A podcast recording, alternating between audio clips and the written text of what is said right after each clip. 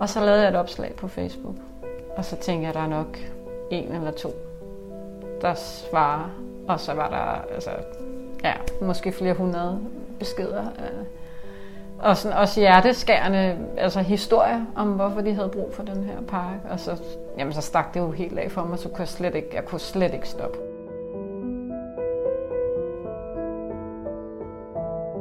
Velkommen til hverdagens klimahelte. En podcastserie, hvor jeg møder dem derude, der er helte. Fordi de rent faktisk handler på de udfordringer, vi skal have klimaløst. Og bare vi gør noget, bare vi gør noget alle sammen, så tager det første skridt det næste, og det tredje, og det fjerde. Og pludselig er vi møghammerne godt på vej.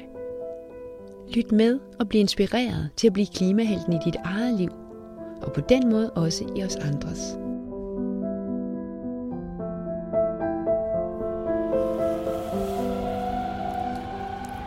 Jeg er kommet til Snækkersten, hvor jeg står og venter på Maria, min næste hverdagens klimahelt.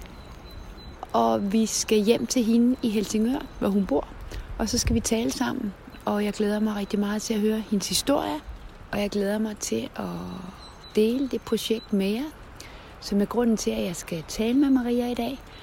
Nu kommer der en bil. Måske er det hende.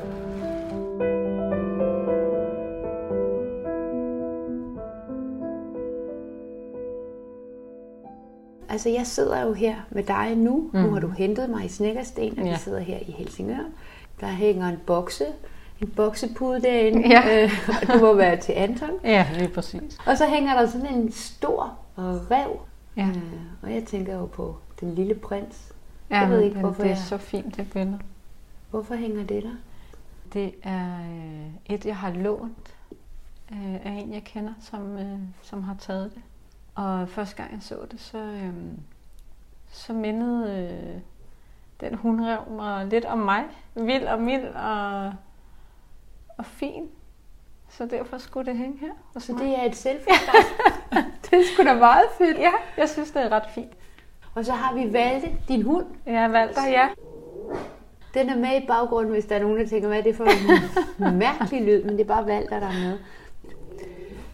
Jamen, jeg hedder Maria, og så øhm, jamen, jeg er 40 år og bor alene sammen med øh, min søn Anton og min datter Frida. De er 8 og 12. Og så er jeg uddannet konditor. Det har jeg været i 20 år. Jeg boet i Helsingør stort set hele mit liv.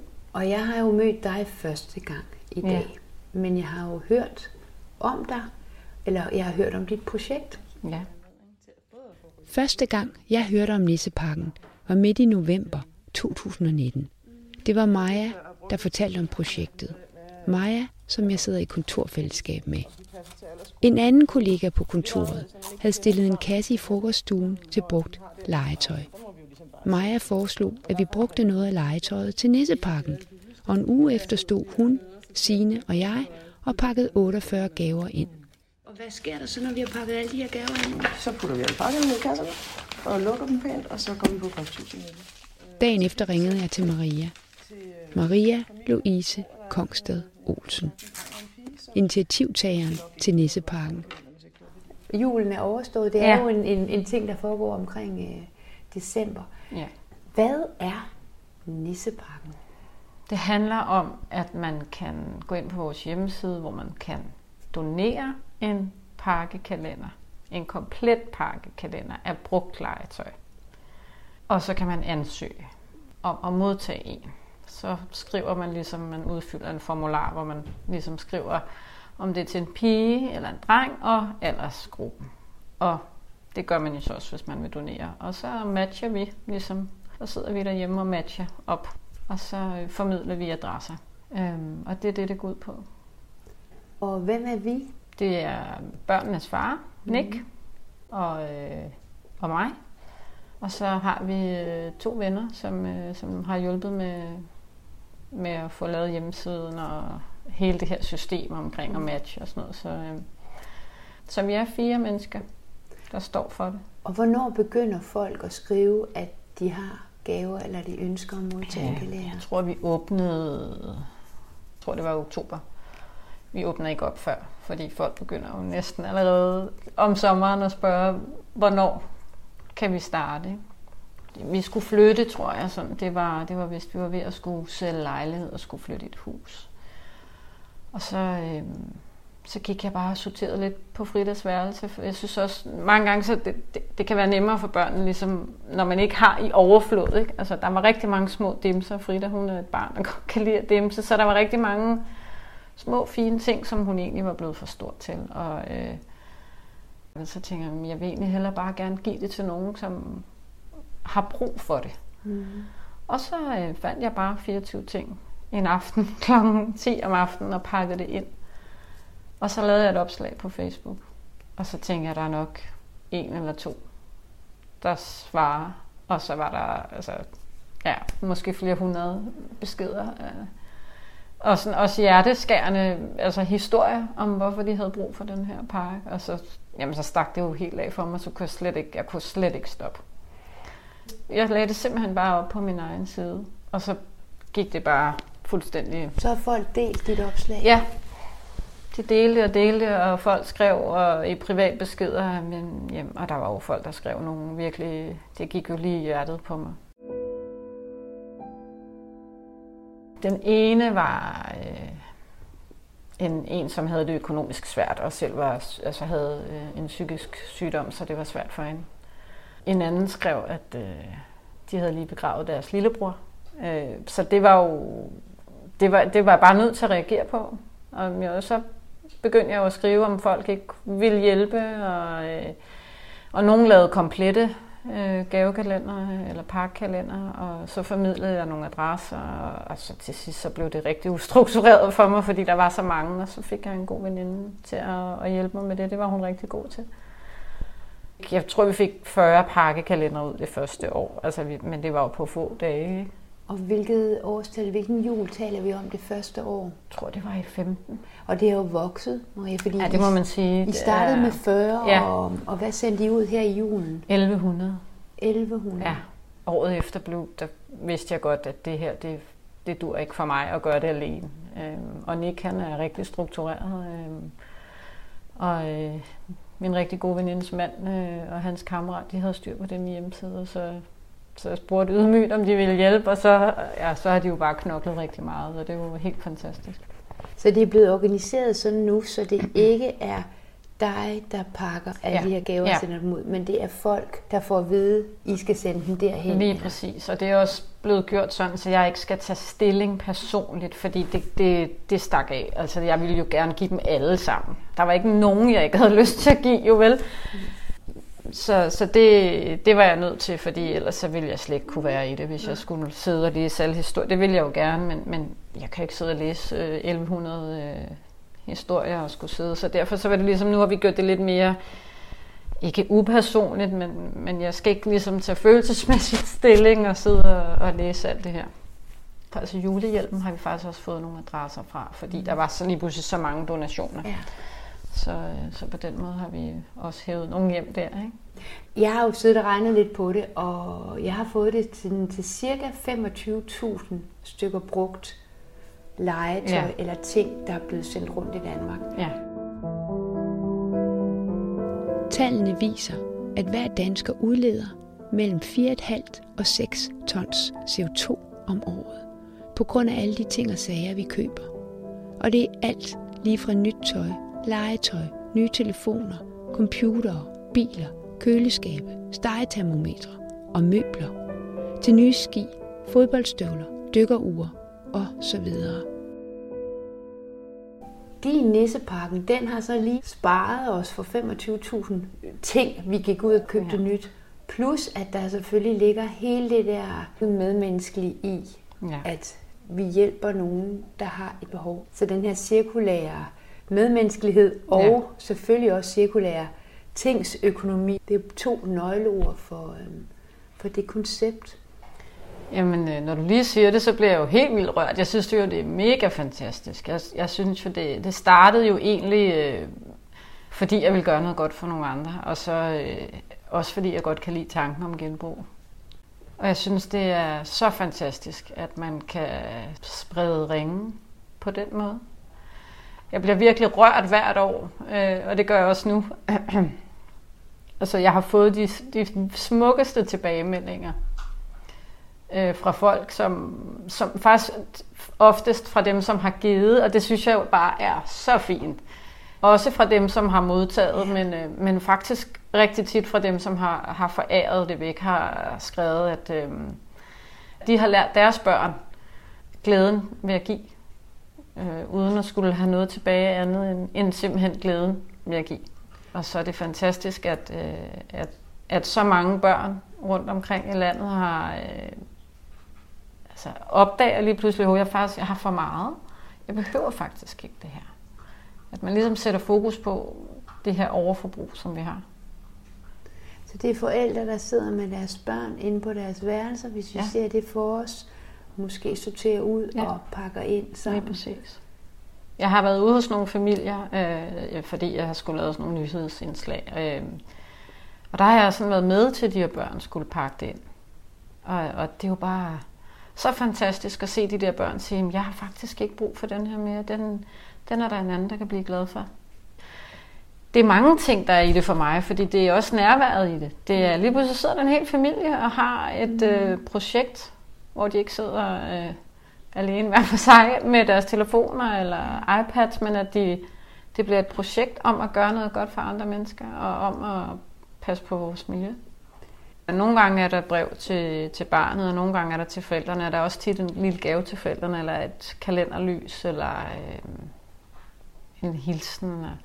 Men, men konceptet er jo også, at man ikke må tage kontakt til, til den, man, man giver til. Man må ikke banke på døren og aflevere den, fordi så handler det lige pludselig om noget mm. andet. Altså hjemme hos os øh, har det jo heddet sig, at øh, det er til dem, som ikke har, har nisser på loftet. Mm. Og det er jo fordi, at jeg har en dreng, som har troet på det hele tiden. Ikke? Så, øhm, men han forstår godt, hvad det handler om. Ja. At det handler om, at der er nogen, der ikke har mm. de muligheder, vi har. Mm. Men hvad folk fortæller deres børn, det aner jeg ikke. Men jeg får mange tilbagemeldinger om, at hvor taknemmelige folk er for at stå op om morgenen og ja. se deres børn være glade.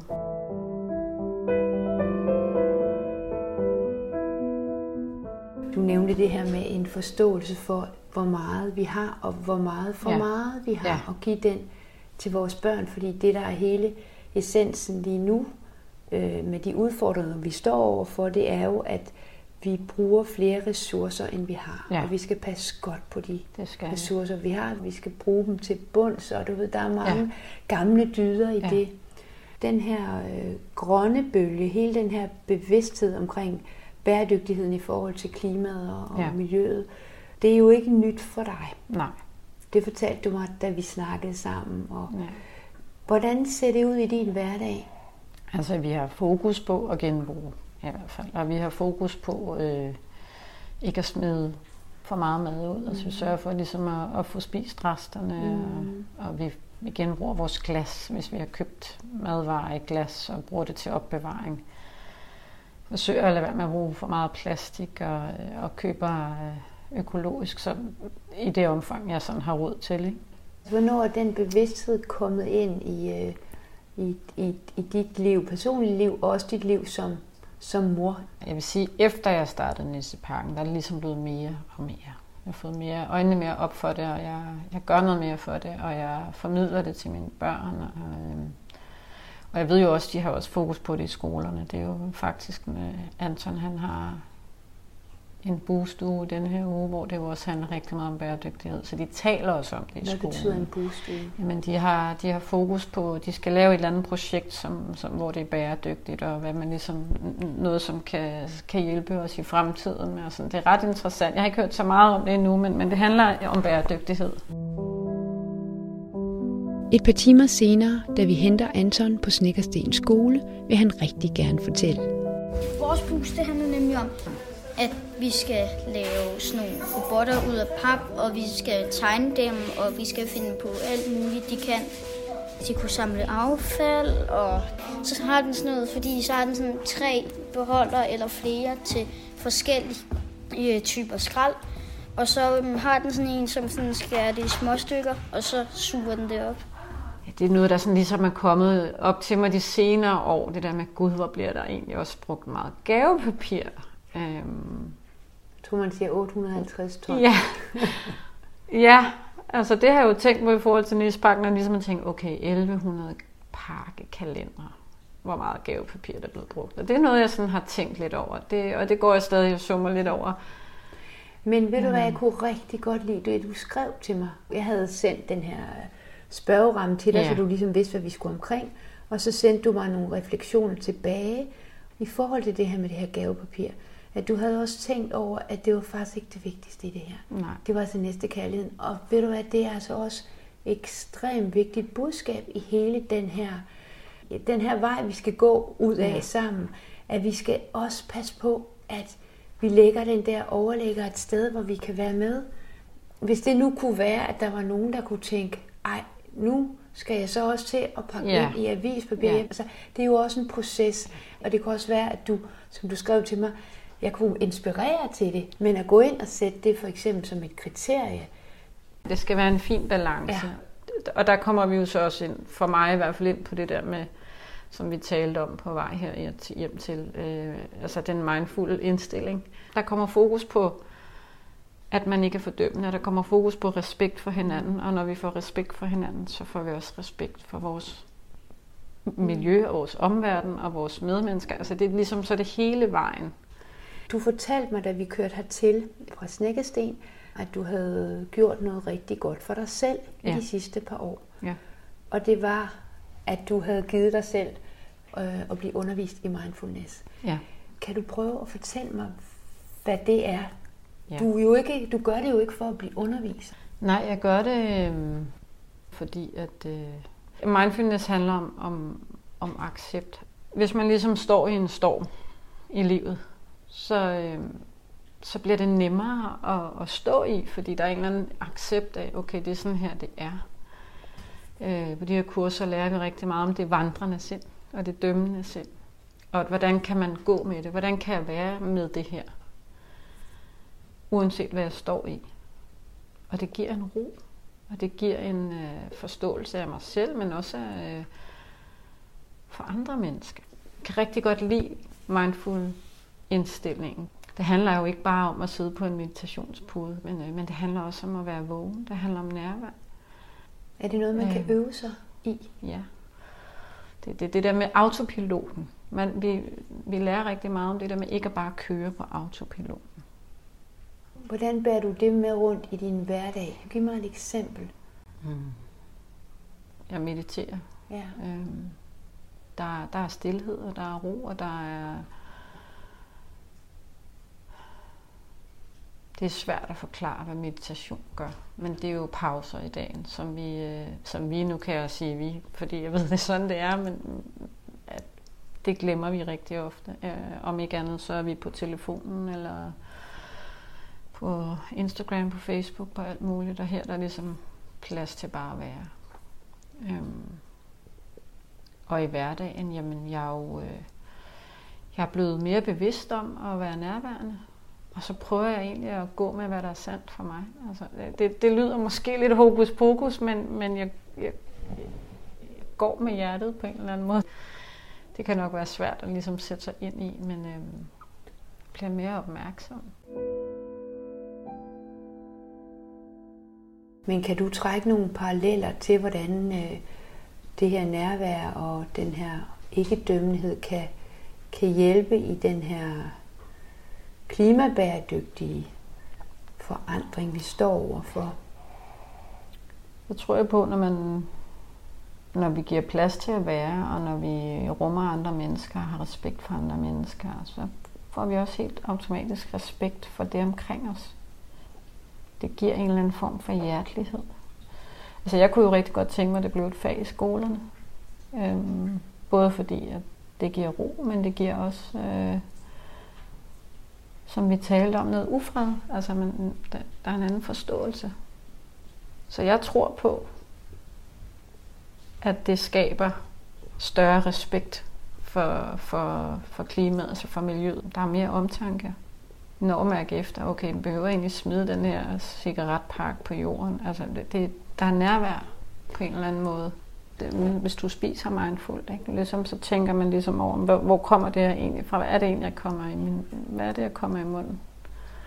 Mindfulness er helt klart, det, det er et rigtig stort emne, men, men det, det er nærvær, og det er, for mig er det respekt og hjertelighed, som man skaber. Du fortalte mig, at du havde taget dit første online kursus i mindfulness for små fem år siden. Og det var så også lige det omkring, hvor, hvor Nisseparken ved et tilfælde ja. blev skabt. Ja. Kan man sige. Så de to ting har så fulgtes ad. Ja. Bliver du ved med det her? Altså tænker du, jeg kan ikke slippe det? Hvis du tænker på, om jeg tænker mig at fortsætte med Nisseparken? Ja, og øhm, om det har afledt andre projekter, eller... Jeg kan jo rigtig godt lide tanken ja. om det genbrug, og om, mm. om næste kærligheden. Det, hænger jo, det hele hænger sammen. Jeg, jeg kunne sagtens sætte flere projekter i gang. Øhm, jeg har lyst til det. Mm. Om overskud lige er til det, det ved jeg ikke, men, men jeg kan ikke lade være med at have fokus på, på klima og miljø og, og på omtanken i, altså hvad, hvordan er det, vi behandler vores verden. Så, så det stopper jeg ikke med. Jeg spørger jo altid øh, min klimahelt, om de har et godt råd. Nu er du mor til dine to børn, som ikke er helt små længere, ja. som er meget bevidste, og som du også har fortalt mig, at de har også tit gode idéer til, hvordan I kan blive endnu bedre til ja, at, det har at gøre nogle ting. Hvad kunne det være for nogle Jamen, øh, forleden dag, der havde vi, øh, jeg havde noget af fire papir, og min datter havde lavet en tegning, og jeg havde skrevet en madplan, og så kom Anton og sagde, det kan jeg godt se dig, mor, du køber bare en tavle fremover, fordi vi kan da ikke bruge alt det papir. Prøv lige at se, der er jo papir over det hele. Og i næste uge skal du lave en ny madplan, så du kan godt købe en tavle, og det er jo, det, det synes jeg, det er jo en rigtig god idé. De er ret bevidste om det. Mit råd er øh, egentlig at, øh, at gøre det i det små, fordi det er jo ligesom en slankekur. Hvis du sætter dig ned og siger, nu skal jeg spise gulerød og, og sulte mig selv, og, så bliver det så, øh, så uoverskueligt og så kedeligt. Men hvis, hvis vi starter i det små, hvor har jeg overskud? Hvad kan, hvad kan jeg gøre? Så spreder ringene sig. Det er, jo, det er jo det, vi har gjort her. Så kommer fokuset mere og mere, og glæden ved det kommer også, stille og roligt. Fordi hvis man sætter sig i hovedet, nu skal jeg bare lave en livsstilsændring fuldstændig. Det kan jeg jo kun tale for mig selv, men så kan det godt blive et surt projekt, mm. hvis alt bare lige pludselig skal, øh, der er nogen, der skal fortælle mig, at du skal gøre sådan. Ja. Så, så det, det er mit råd, og så er det at tale med, med vores børn om, hvordan kan vi gøre noget. Ved, mm. ved middagsbordet tale om, hvad er det egentlig, vi kan gøre anderledes. Frida kom hjem, da vi var næsten færdige med interviewet. Da hun kom ind i stuen til os, ville hun også gerne være med. Altså, jeg synes, at det er vigtigt, at vi ikke bruger for mange ressourcer mere end det, vi har brug for. For til sidst så har jorden ikke mere tilbage, og så er der ikke mere at tage, og så går det galt. Og det er der jo nok ikke nogen af os, der vil have. Altså, jeg synes, at vi spiser for meget kød at det bliver vi nødt til at blive bedre til at styre. Og så må vi spise lidt mere grønt og skære lidt ned, for til sidst så, så er der ikke mere at tage. Tænker du, det er svært for folk at ændre sig nogle vaner? Jeg tror godt, at det kan være svært for nogen. Men øhm, så må man nu måske starte med at skære en lille smule ned. Så man for eksempel en uge, så spiser man en ret, to retter måske om ugen, hvor der slet ikke er noget kød, og så ugen efter kan man måske køre tre dage eller sådan noget. Og så til sidst, så kan man ligesom gøre det så godt, som man nu kan. Man kan godt forsøge at gøre en indsats. Forsøge at bruge så lidt som overhovedet muligt, men samtidig skulle kunne holde hverdagen kørende.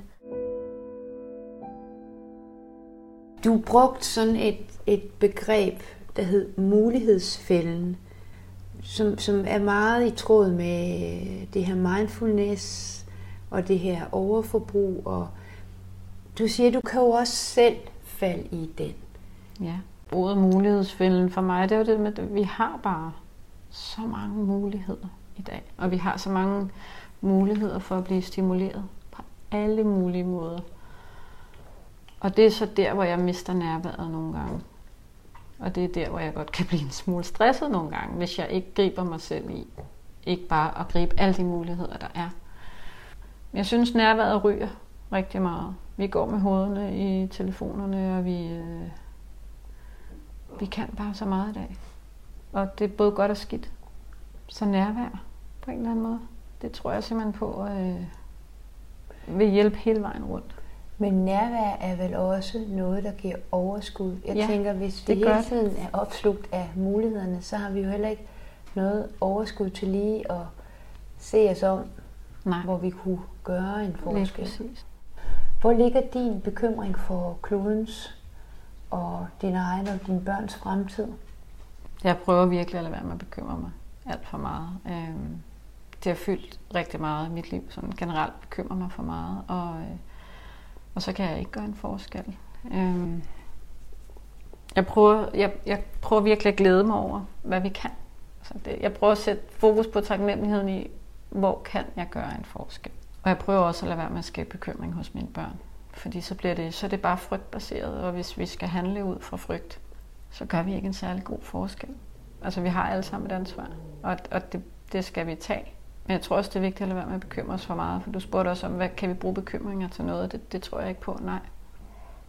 Og det ansvar er ikke nogen hård, sur pligt. Nej, det behøver det i hvert fald ikke at være. Øhm, Som, som jeg også sagde tidligere, så må vi jo gøre det i det omfang, vi kan, og så kommer overskuddet, det tror jeg på.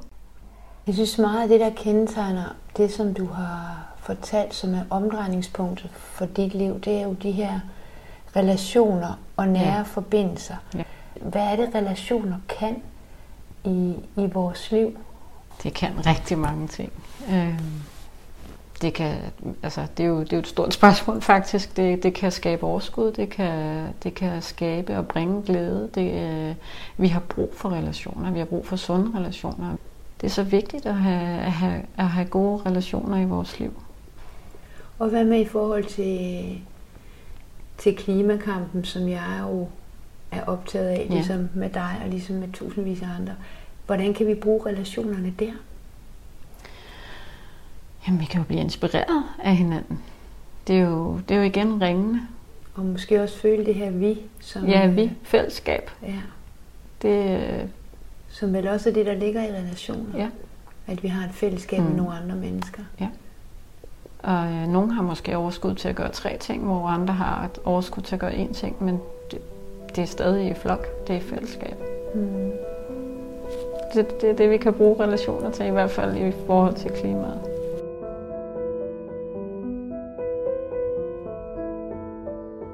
Der er heldigvis masser af klimahelte derude, og jeg vil finde dem og dele deres tanker og motivation for at gøre, hvad de gør. Jeg har en tro på, at helte avler helte, og at vi kan inspirere hinanden derhen, hvor vi en dag selv bliver en af dem. Jeg hedder Lene Aarhusen Fosgaard, og der kommer snart en ny episode. Jeg glæder mig og håber, at du vil lytte med igen. Indtil da, pas godt på dig selv og din og min verden.